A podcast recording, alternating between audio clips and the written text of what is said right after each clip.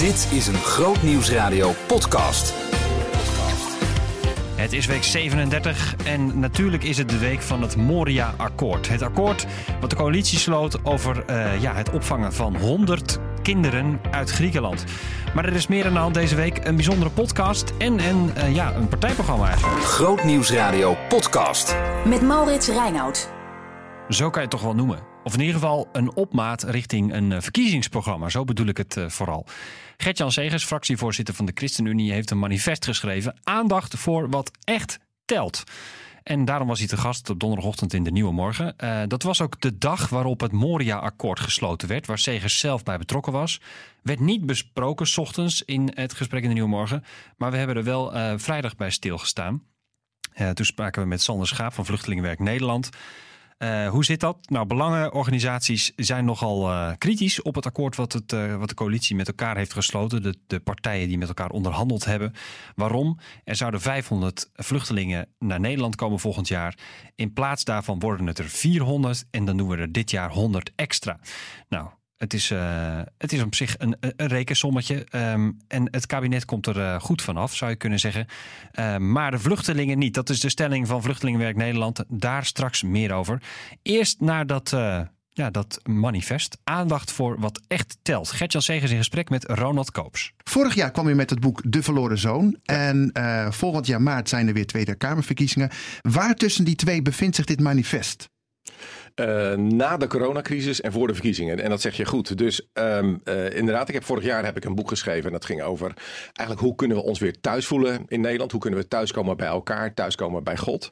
Um, daar, daarna kwam die dende die crisis over ons heen. En die heeft echt natuurlijk ons totaal van de sokkel afgeblazen. Ja, kun je zeggen, ja. Uh, dus alle zekerheden liggen eigenlijk op de vloer. En we moeten weer opnieuw nadenken. Wat, wat telt echt? Waar komt het nu echt op aan? Ja. Um, en het leek mij een mooi moment om in een zomer, als je toch wat contempleert en toch wat rust hebt om daar eens uh, wat over op te schrijven. En straks komt natuurlijk ons verkiezingsprogramma, komen allemaal concrete maatregelen, maar dit is even een iets groter verhaal. Ja, is en het dat... stiekem een soort blauwdruk van het verkiezingsprogramma of, of hoe moet nou, je duiden? Het zou heel raar zijn als het haaks op het verkiezingsprogramma staat. Of andersom. Dat, dat, dat, zou, dat zou heel raar zijn. Ja. Nee, het is wel de opmaat naar het verkiezingsprogramma. Um, maar het is wel een, een, een, een belangrijk moment. We staan ook voor de algemene politieke beschouwing. Dus we hebben volgende week een heel groot debat waarin ook iedereen zijn kaart op tafel moet leggen. Dus het leek mij een mooie manier om mijn kaart op tafel te leggen. Ja, ja precies. Uh, nou is uh, de titel aandacht voor wat echt telt. Wat, wat is de boodschap? Wat is nou de hoofdboodschap die, uh, die jullie willen overbrengen? De hoofdboodschap die ik graag wil overbrengen is wat echt telt. Dat zijn uh, zoals wij geschapen zijn. Dat is, dat is zorg voor elkaar. Is dat uh, het leven, het menselijk leven opbloeit. Daar waar we er voor elkaar zijn. Daar waar we lief hebben. Daar waar we in moeilijke en mooie dagen voor elkaar zorgen. Um, en dat is een heel ander mensbeeld. We zijn geschapen naar Gods beeld. Uh, om voor elkaar te zorgen. Relationeel. En dat is echt een fundamenteel ander mensbeeld dan het liberale individualisme. En, en toen ik eens eventjes, um, nou ja, en dat kun je in zo'n zomer, dan kun je alles even aan je voorbij laten trekken. Als ik dan kijk naar ons belastingstelsel, als ik kijk naar onze arbeidsmarkt, waarin er steeds meer ZZP'ers zijn, steeds mensen los, ja, losstaan van elkaar. Uh, als ik kijk naar een discussie over voltooid leven, maar ook om onze omgang met schulden, dan gaat het eigenlijk allemaal terug naar een overtuiging van liberalen dat wij individuen zijn en dat wij sterk zijn en dat we zelfredzaam zijn. Ook en dat een beetje maakbaarheid. Zijn. Heel maakbaar, Ja, ja, heel ja. sterk, heel krachtig. U, u, u bent best wel scherp, hè? Want u heeft bewoordingen als van de, de, nou, de machine kan niet alleen opgekalefaterd worden. U hebt het over roestige boutjes en moertjes, echt zo'n beeldspraak. U zegt dus eigenlijk een nieuwe machine nodig bijna, of? Ja, wij moeten fundamenteel andere keuzes maken. Het roer moet om. Dus ik geef me ook rekenschap van het feit dat wij nu al drie jaar in een kabinet zitten. En met VVD en D66 samenwerken. Maar daar waar beslissingen teruggaan, grote beslissingen teruggaan naar wie zijn wij nou, wat is het mensbeeld, daar zie ik dat ja, dat wat liberalen zeggen wie wij zijn, en namelijk die sterke individuen, rationeel en, en, en zelfredzaam, um, dat dat echt fundamenteel anders is dan niet alleen zoals ik er naar kijk, maar zoals God spreekt over wie wij zijn. En wij zijn geschapen voor elkaar. Wij zijn, het was niet goed dat Adam alleen was. Nee. Um, uh, je kunt het niet in je eentje redden. We hebben elkaar nodig. We hebben elkaar in een kerk nodig. We hebben elkaar in een huwelijk nodig. We hebben elkaar in gezinnen, in buurten nodig. Um, en ik stuit op een onderzoek van de, van de Universiteit van Harvard. Een van de meest gerenommeerde universiteiten. Ja. Die al het langslopende sociale onderzoek hebben. 80 jaar lang. Ze hebben honderden jongens, volgen ze hun leven lang. En hun vrouwen, hun kinderen. En na 80 jaar onderzoek als zij het net ophalen en zeggen, nou, wat maakt ons nou gelukkig? Want dat is de grote vraag van het onderzoek. Wat maakt mensen gelukkig en wat maakt mensen ongelukkig? Dan zeggen ze, wat maakt mensen gelukkig? Relaties. Wat maakt mensen ongelukkig? Eenzaamheid. Het is fysiek gif. Het is giftiger dan alcohol. Het is giftiger dan tabak. Eenzaamheid. Wij zijn niet bedoeld als eenzame mensen. En u zegt eigenlijk dat dat hele beetje dat kapitalistisch denken, dat, dat, dat draagt erbij dat we maakbaar worden, dat we goed voor onszelf zorgen, dat we geld verdienen, maar dat we dus ook eenzaam kunnen zijn. Misschien een dijk van een salaris, maar Ja. heel erg eenzaam. Exact. En uh, de prikkels in ons belastingstelsel, op onze arbeidsmarkt, gaan eigenlijk allemaal uit naar betaald werk. Jij moet voor jezelf redden, jij moet je eigen boontjes doppen, jij moet sterk zijn. Betaald werk, dat maakt je gelukkig. En het drijft ons af bij plekken waar we echt gelukkig worden. Dus als je ziet dat die arbeidsmarkt steeds flexibeler wordt, mensen gaan van contract naar contract, van baantje naar baantje, onzekerheid, vaak voor een lager salaris. Dat heeft rechtstreeks gevolgen, bijvoorbeeld met ons geboortecijfer. Dat is laag, het, op het laagste punt sinds 23 jaar.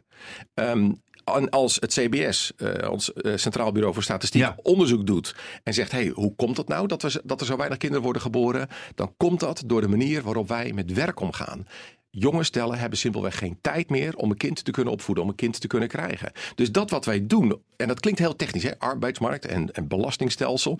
Maar de Ja. keuzes die we daar maken, hebben rechtstreeks gevolgen voor ons gezinsleven, voor onze vriendschappen, voor de mate waarin ik voor mijn moeder kan zorgen, waarin ik vrijwilligerswerk kan doen.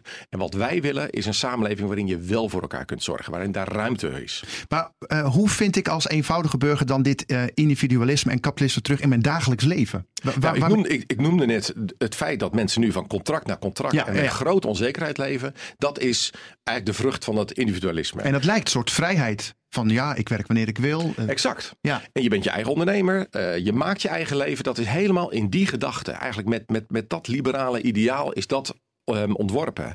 Ehm, maar het drijft ons weg bij een gezond gezinsleven. Het drijft ons weg bij zorg voor elkaar. Ehm, je ziet dat we steeds harder zijn gaan werken. Dat we steeds meer zijn gaan werken. eh, steeds onregelmatiger zijn gaan werken. Maar we zijn niet meer gaan verdienen. Dus de koopkracht van gewone gezinnen, van jouw gezin, ons gezin, mijn gezin, ehm, is al 40 jaar lang ongeveer hetzelfde. Het besteedbare inkomen van gezin is hetzelfde. Dus je werkt harder, flexibeler, maar je verdient niet meer. Onder de streep blijft het netto hetzelfde. Blijft het netto, eigenlijk. netto hetzelfde. Je besteedbaar inkomen en je hebt minder tijd voor elkaar. Ja. Eh, dus je kunt zorg en werk kun je steeds moeilijker combineren. En om een huis te kunnen kopen, moet je met z'n tweeën nog werken. Dus ehm, eigenlijk zie je dat we op dit moment dat, dat we aan het vastlopen zijn, dat het nu echt tijd is om de wissels om te zetten. Ja.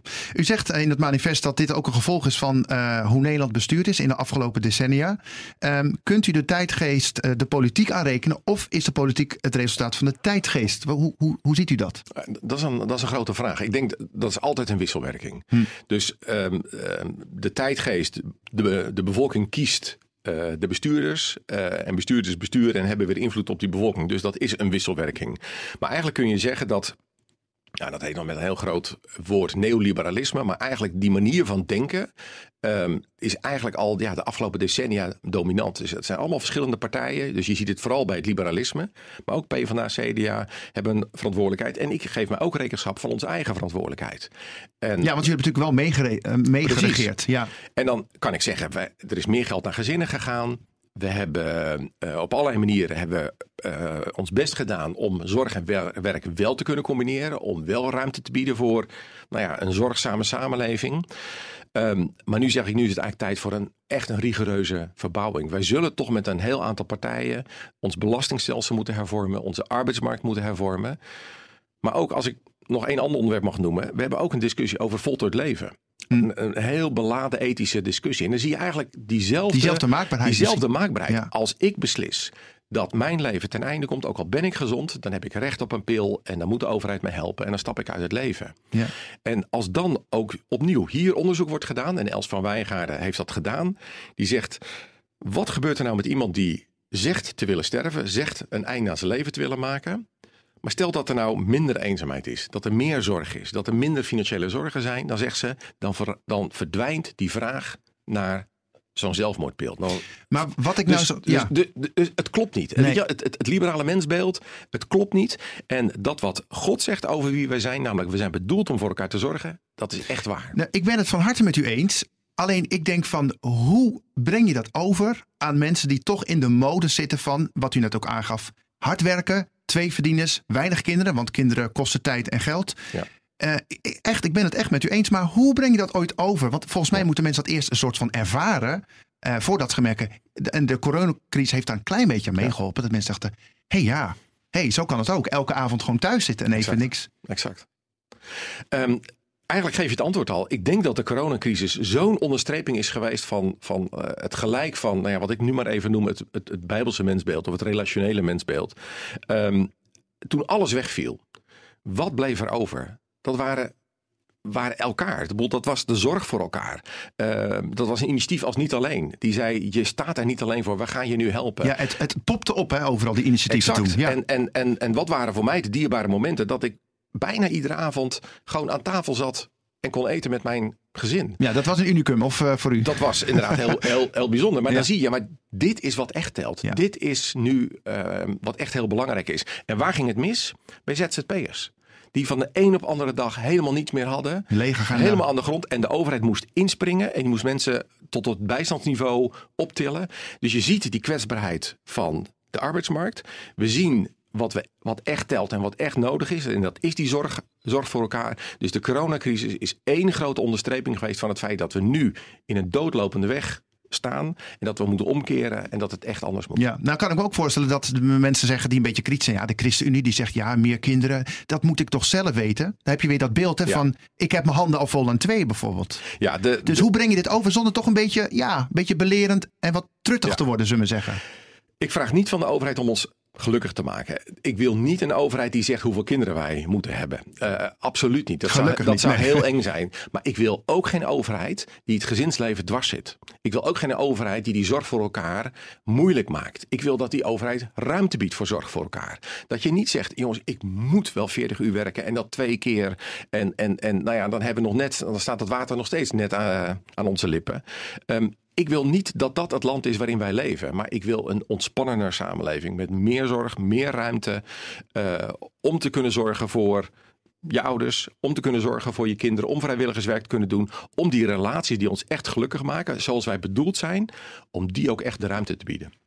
Gert-Jan Segers dus in gesprek met eh, Ronald Koops over eh, het manifest. Ehm, waarin eigenlijk ja, een, een eh, doorkijkje is te zien naar het verkiezingsprogramma van de ChristenUnie. Er was nog een deel 2 van het gesprek. Dat staat op onze website grootnieuwsradio.nl. Eh, straks gaan we even luisteren naar iets heel bijzonders. Ehm, namelijk, je kent het eh, ongetwijfeld, het lied Ik zal er zijn van Sela. In een podcast die Sela is begonnen, werd een deel van een demo te, te horen gebracht. Een demo van tien jaar geleden, toen de tekst Ik zal er zijn nog niet eens in het lied zat. Dat is toch wel heel bijzonder. Eh, Hans van Vuren sprak in backstage met eh, leden van Cela over die podcast, over Ik zal er zijn. Dat eh, hoor je allemaal straks. Grootnieuwsradio podcast. Met Maurits Reinoud. Eerst het Moria-akkoord, zo wordt het genoemd. Nederland gaat 100 vluchtelingen opvangen uit het Griekse afgebrande vluchtelingenkamp Moria. 100 vluchtelingen dus. Dat klinkt goed, maar belangenorganisaties zijn er helemaal niet blij mee. Wij spraken met Sander Schaap, hij is manager beleid bij Vluchtelingenwerk Nederland. En samen met ehm, Defence for Children en Stichting Vluchteling noemt hij dit akkoord de schaamte voorbij. Nou, in alle eerlijkheid waren we die schaamte eigenlijk de afgelopen jaren al een beetje voorbij. Ehm, ik denk dat het breed bekend is dat er al een jaar of vijf echt tienduizenden mensen vastzitten op Griekse eilanden in een totaal uitzichtloze situatie. En daar ontstond natuurlijk eh, onlangs de dreiging van corona. En nu hebben we afgelopen week gezien dat het kamp totaal tot de grond toe is platgebrand. En Ja. circa 12, 13.000 mensen slapen nu al twee nachten op de rand van de snelweg. Ehm, en de Nederlandse reflex afgelopen week was: ehm, laten we om tafel gaan om te kijken of we wat kunnen doen. Maar partijen, in dit geval de VVD, wilden er wel wat voor terug. En alleen al dat gegeven maakt het ontzettend cynisch dat er op die manier gesproken wordt over het helpen van mensen ehm, die al in nood zaten, maar die nu echt het water aan de lippen staat. Ja. Want wat had u gehoopt dat de re- regering zou doen in deze situatie? Nou, kijk, ik realiseer me ook volledig dat Nederland niet alleen iets kan doen aan de ellende op, uh, op deze eilanden. Dat snap ik echt volledig. Maar ik had op zijn minst verwacht dat zeg maar, de roep vanuit de samenleving al jaren, en zeker de afgelopen jaar, om in ieder geval iets te doen voor minderjarige alleenstaande kinderen. Um, wij en andere uh, gemeentes, uh, pastoors, voorgangers, de roep vanuit de samenleving om iets te doen is al heel lang heel sterk. En nu gebeurt deze ramp. En ik had op zijn minst verwacht dat er een ruimhartig gebaar zou komen. Dat op een ruimhartige manier gezegd zou worden: wij als Nederland zijn bereid iets te doen. En we gaan leiderschap tonen in Europa. We gaan in Europa laten zien dat wij onderdeel willen zijn van deze oplossing. En in plaats daarvan wordt een akkoord gesloten, waar ook nog eens een keer de afspraak wordt gemaakt: ja, onder de streep willen we vooral niet meer vluchtelingen hebben. Ja. Dus elke vluchteling die straks misschien op de vliegtuigtrap richting Nederland zou stappen. Daarvoor wordt tegen iemand anders in een ander land, in een, in een, kamp in Libanon, een bekeerling uit Iran, die ook niet veilig is in Libanon, gezegd: Sorry, u mag niet komen. Ja. En dat is ontzettend cynisch. Ja. Uh, zelfs uh, regeringspartijen ChristenUnie en D66 die wilden meer um, dan dit akkoord, zeiden ze gisteren ook. Is het dan nu puur de VVD die uh, ja, een beter akkoord dan tegenhoudt? Nou, het zou niet verbazen dat ik niet bij die gesprekken zit. Uh, het is natuurlijk ook niet verbazingwekkend dat de VVD uh, uh, niet staat te springen. Maar ik denk dat het te makkelijk is om dit alleen bij de VVD neer te leggen. Ik denk dat we de afgelopen jaren in Nederland echt hebben gezien dat het vluchtelingenvraagstuk onderaan het politieke lijstje is komen te staan. Onderaan de dingen van uh, onderwerpen die we belangrijk vinden, omdat we het maar ingewikkeld vinden. We vinden het ingewikkeld om ook aan de samenleving uit te leggen. Hier zijn mensen die vluchten voor oorlog en geweld en daar moeten we voor opkomen. En dat zie je dus ook bij partijen als D66 en de ChristenUnie. Ook met alle waardering, uh, ook zeker voor Joël Voordewind, Kamerlid van de ChristenUnie, voor zijn inzet. Maar uiteindelijk, um, dit is gewoon niet genoeg. Ja. Er is ook kritiek op het feit dat uh, de vermoedelijke brandstichting nu beloond wordt. Dat, dat is een ja, argument dat de, de, de PVV aanvoert. Hoe kijkt u tegen deze kritiek aan? Nou, kijk, uh, ik weet niet uh, wat daar uh, precies gebeurd is. Ik heb ook gehoord dat de Griekse regering doet harde beschuldigingen naar migranten zelf. Ik heb ook andere mensen horen zeggen dat er misschien lokale Grieken, die natuurlijk ook ontzettend zat zijn dat ze zo in de steek gelaten worden, dat die erbij betrokken zouden zijn. Het zou allebei waar kunnen zijn, misschien wel allebei. Ik weet het oprecht niet. Nee. Ik vind het alleen heel wrang om dat leidend te laten zijn in een discours. Er zitten 13.000 mensen. Al zou het zo zijn dat een aantal van hun brand gesticht hebben Betekent het dat wij niks doen? Betekent het dat wij vrouwen, kinderen op de rand van de snelweg laten zitten? Ik, ik, kan, ik kan die redenering niet volgen. Ja. Een ander deel van dit uh, Moria-akkoord is ook dat vanaf nu voor alle vluchtelingen de asielprocedure gewijzigd wordt. Kunt u uitleggen wat, wat er precies verandert nu? Nou, kijk, dat is al een langere wens, ook vanuit uh, uh, volgens mij de staatssecretaris, in ieder geval ook vanuit de partijen uh, ter rechterzijde in de Tweede Kamer, om de waarborgen in asielprocedure verder in te perken. Um, ik zal niet te veel in de techniek treden, maar het komt er straks op neer dat je in plaats van even tot de rust kan komen, als je een ingewikkelde reis achter de rug hebt, al heel snel, zonder dat je advocaat gezien hebt, die procedure in moet. En ja. je moet realiseren dat zo'n procedure is ontzettend ingewikkeld. Als jij als bekeerling uit Iran in Nederland aankomt na een heftige periode, een ingewikkelde vlucht, je hebt ook onderweg heb je natuurlijk nooit gesproken over waarom je bent gevlucht, want je weet niet wie je om, om je heen hebt zitten. Dan moet er ook iemand zijn die even naast je gaat zitten en je verhaal aanhoort en zegt: Ja, kijk, wat je nu vertelt, dat is belangrijk in de asielprocedure. En dat hebben we straks niet meer. Ja. Betekent dit nu, um, ja, als, als we alles bij elkaar optellen en aftrekken, dat we nu slechter af zijn uh, dan voor de brand in Moria, wat betreft het vluchtelingenbeleid in Nederland? Laat ik helder zijn, deze deal had beter niet gesloten kunnen worden.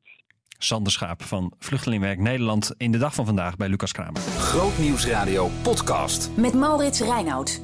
De band Cela heeft een podcast. En uh, ja, je klinkt ineens uh, twee keer podcast achter elkaar in één zin. Maar um, uh, de band Cela heeft een podcast. Op de dag dat hij uitkwam, maandag, werd gelanceerd, zou je kunnen zeggen, spraken twee bandleden van Cela uh, met Hans van Vuren in backstage. En daarin uh, hoor je ook een heel bijzonder fragment. Peter, ik kijk in eerste instantie jouw kant op. Uh, want jij bent de presentator van, uh, of de host, zoals het mooi heet, van, uh, van de podcast. Is dat, een, is dat een rol die jij jezelf hebt toegeëigend? Of hebben ze je die in de maag gesplitst? Mm, zo. Nou, dat is langzaamaan ontstaan. Uh, dat idee van de podcast bestond eigenlijk al wel uh, heel lang. Ik denk zo wel een jaar of twee of zo. Mm -hmm. Dat we het riepen. En op een gegeven moment zeiden we, het was ook wel in de coronatijd, ik weet niet of dat nou echt een duwtje heeft gegeven, maar in die coronatijd dachten we wel van, nou, dit kunnen we in ieder geval wel doen, Ja.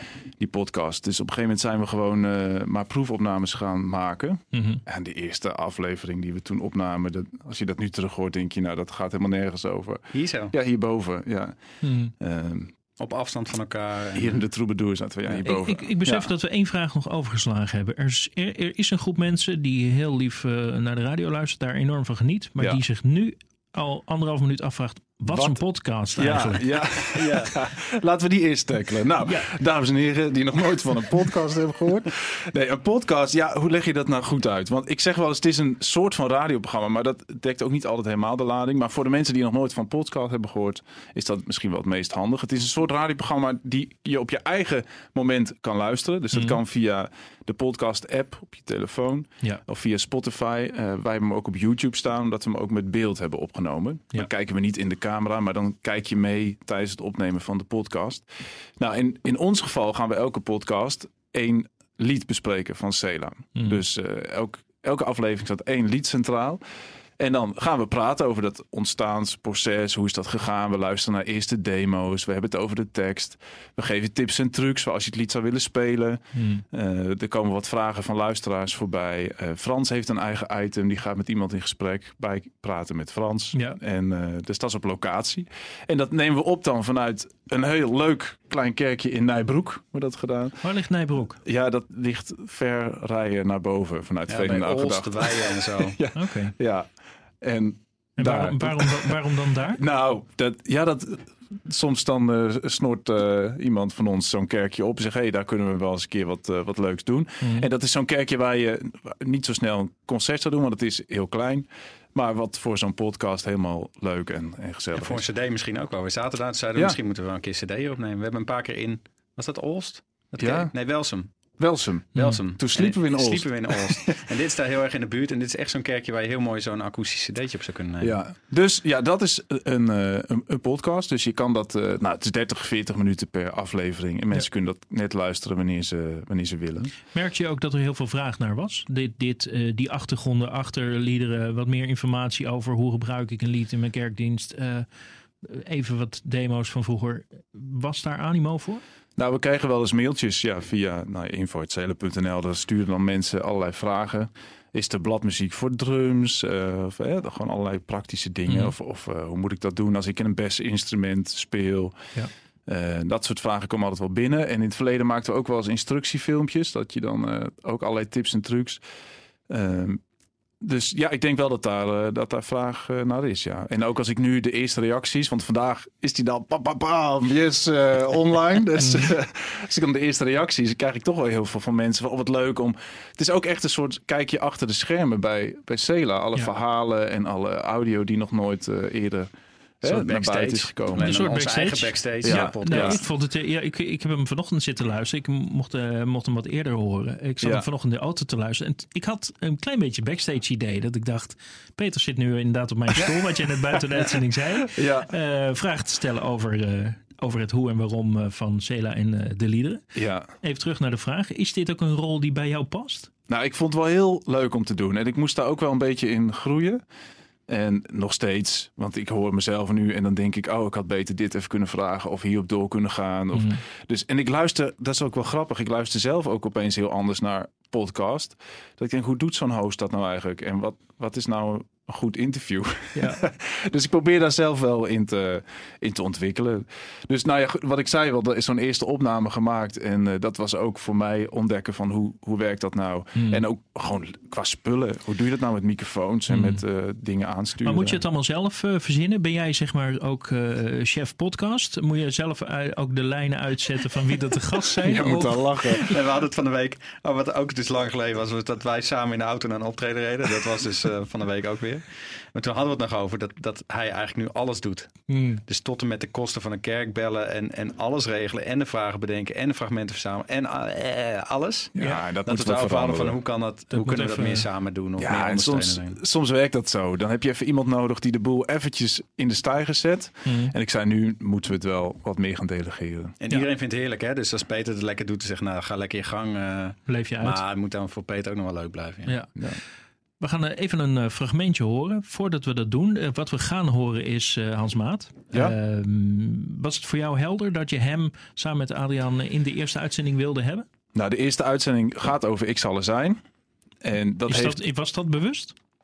Eh, nou, sterker, dat was helemaal niet het eerste plan eigenlijk. Maar dat Nee. kwam eh, gewoon tijdtechnisch goed uit. Dat Hans had een bepaald tijdslot dat hij kon. Ik denk, nou, dan doen we die als eerste. En toen Mhm. dachten we, oh, dit is eigenlijk wel een mooie eerste aflevering. Ja. Dus het was helemaal niet extreem heel bewust. Maar uiteindelijk wel, eh, kwam het wel goed uit. Ja. Ja. En Hans heeft samen met Ad en eh, Kinga samen dat lied geschreven. Mhm. Dus daarom kwam hij als tafelgast. Ja, en Hans eh, is, wordt ook in de podcast benoemd, was de, de Ja. bedenker, oprichter van, eh van Cela. Ja. Eh, Ad, als klein jongetje, zoals je in de podcast genoemd wordt, was de eerste en de enige toetsenist sinds 2004. Dus ehm, nou ja, goed, in die, die hoedanigheid wordt dit besproken. En vervolgens krijgt Hans de vraag van nou neem ons eens mee naar de begintijd van, eh, ja, het oorspronkelijk begin van Ik zal er zijn. Kijk, wij waren natuurlijk allemaal erg eh, bewogen over de situatie van Kinga. Maar ik las toen ook een interview, volgens mij, van de EO-visie. Ja. En daarin werd een beetje samengevat hoe ze had beleefd. En ik wist dat van haar persoonlijk al met die regenboog. En dat ze een ervaring met God had gehad. En die had gezegd, ik ben er of ik ben. En toen dacht ik, oh, dat is de naam van God, daar moet ik iets mee. Hmm. En zo is het een beetje begonnen. Maar het, is ook, het was ook mijn emotie over haar situatie... wat heel duidelijk in zo'n lied dan terechtkomt en waar het begint. Wel mooi hoe je dat eh, nu eh, zoveel jaar later zegt. Met van die regenboog en zo.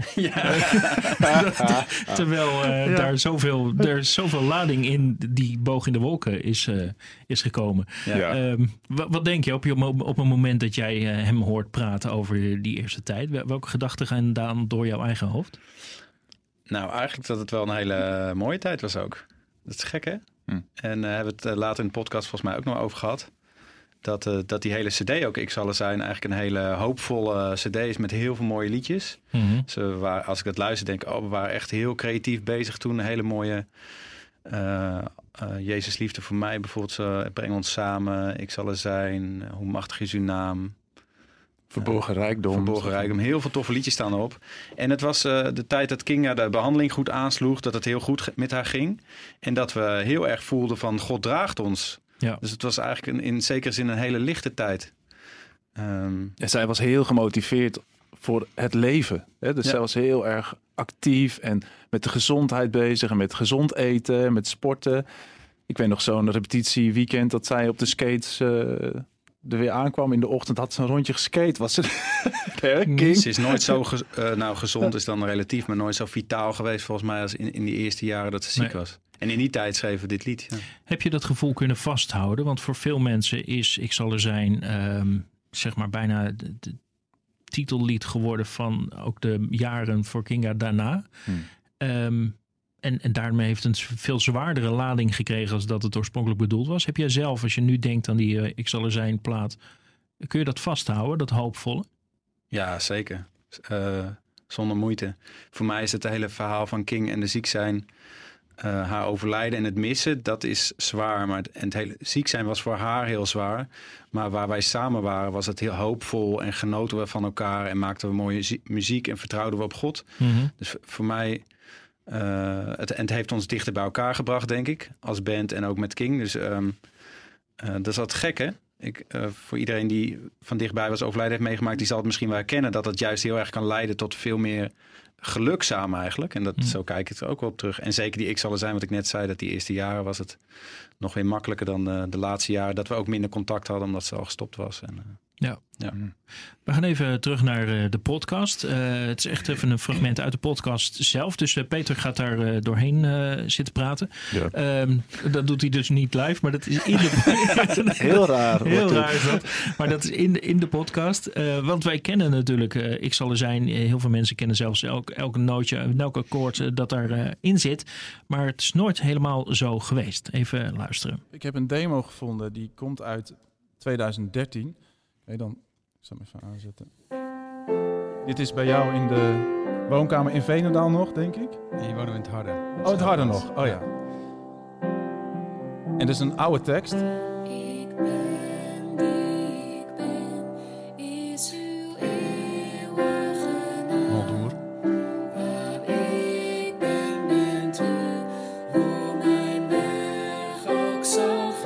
herkent wel dingen hè, van wat het uiteindelijk is geworden. Maar het is wel leuk om te horen. Sommige zinsuitdrukkingen zijn er gewoon weer uitgehaald en veranderd. Zijn naam is ik ben, sprak. En ik zal er zijn. Zat er nog niet in. Nee. Suriname is ik ben. En, eh, sprak hij zelf tot mij? Ja. Dat dus. Ik vind het heel leuk aan de podcast dat je in dit de soort elementen erbij pakt. Zodat je echt even die ontstaansgeschiedenis eh, er, erbij hebt. En jullie hebben die opnames natuurlijk. Dus eh, eh, chapeau daarvoor. Chapeau, zeker weten. Hans van Vuren in gesprek dus met, eh met Cela was dat. Komende week op Groot Nieuws Radio. Zo, dat was al een eh, lange podcast deze week zeg. We zitten op een half uur. Ehm, maar je hebt het helemaal gered tot, tot hier aan toe. Hartstikke goed. Ja, volgende week is natuurlijk een bijzondere week. Want dan is het Prinsjesdag. En ik moet zeggen, eh, het staat natuurlijk altijd in de agenda's hè, van, eh, van de journalistieke redacties. Dat is een week eh, waarin alles even heel spannend is. En waarin er veel gelekt wordt vaak. Waarin mensen dan met de vinger naar elkaar wijzen. Waarop veel hoedjes te zien zijn. Waarop soms een gouden koets rijdt. Maar dit jaar niet. En eh, wij gaan het er zeker over hebben. We doen twee voorbeschouwingen. Een politieke voorbeschouwing, dat doen we maandag. En op eh, dinsdagochtend, de dag zelf, gaan we even met Jeroen Snel, de presentator van eh, Blauw Bloed, vooruitblikken op die dag. Dus dat moet je niet missen. Maandag en dinsdag in de Nieuwmorgen. Goed dat je luistert naar de podcast. Abonneer je even. En ehm, ik zie je volgende week weer. Het is net of je op dezelfde tank ineens drie keer zo ver kunt rijden. Brandstof is er elke maandag en vanaf nu ook op vrijdag en zaterdagochtend. Eunice Nahuis met boeiende gasten die graag delen waar ze van overlopen. Vanaf 10 uur Brandstof met Eunice Nahuis. bij Groot Nieuws Radio. Behoefte aan meer? Grootnieuwsradio.nl slash podcast.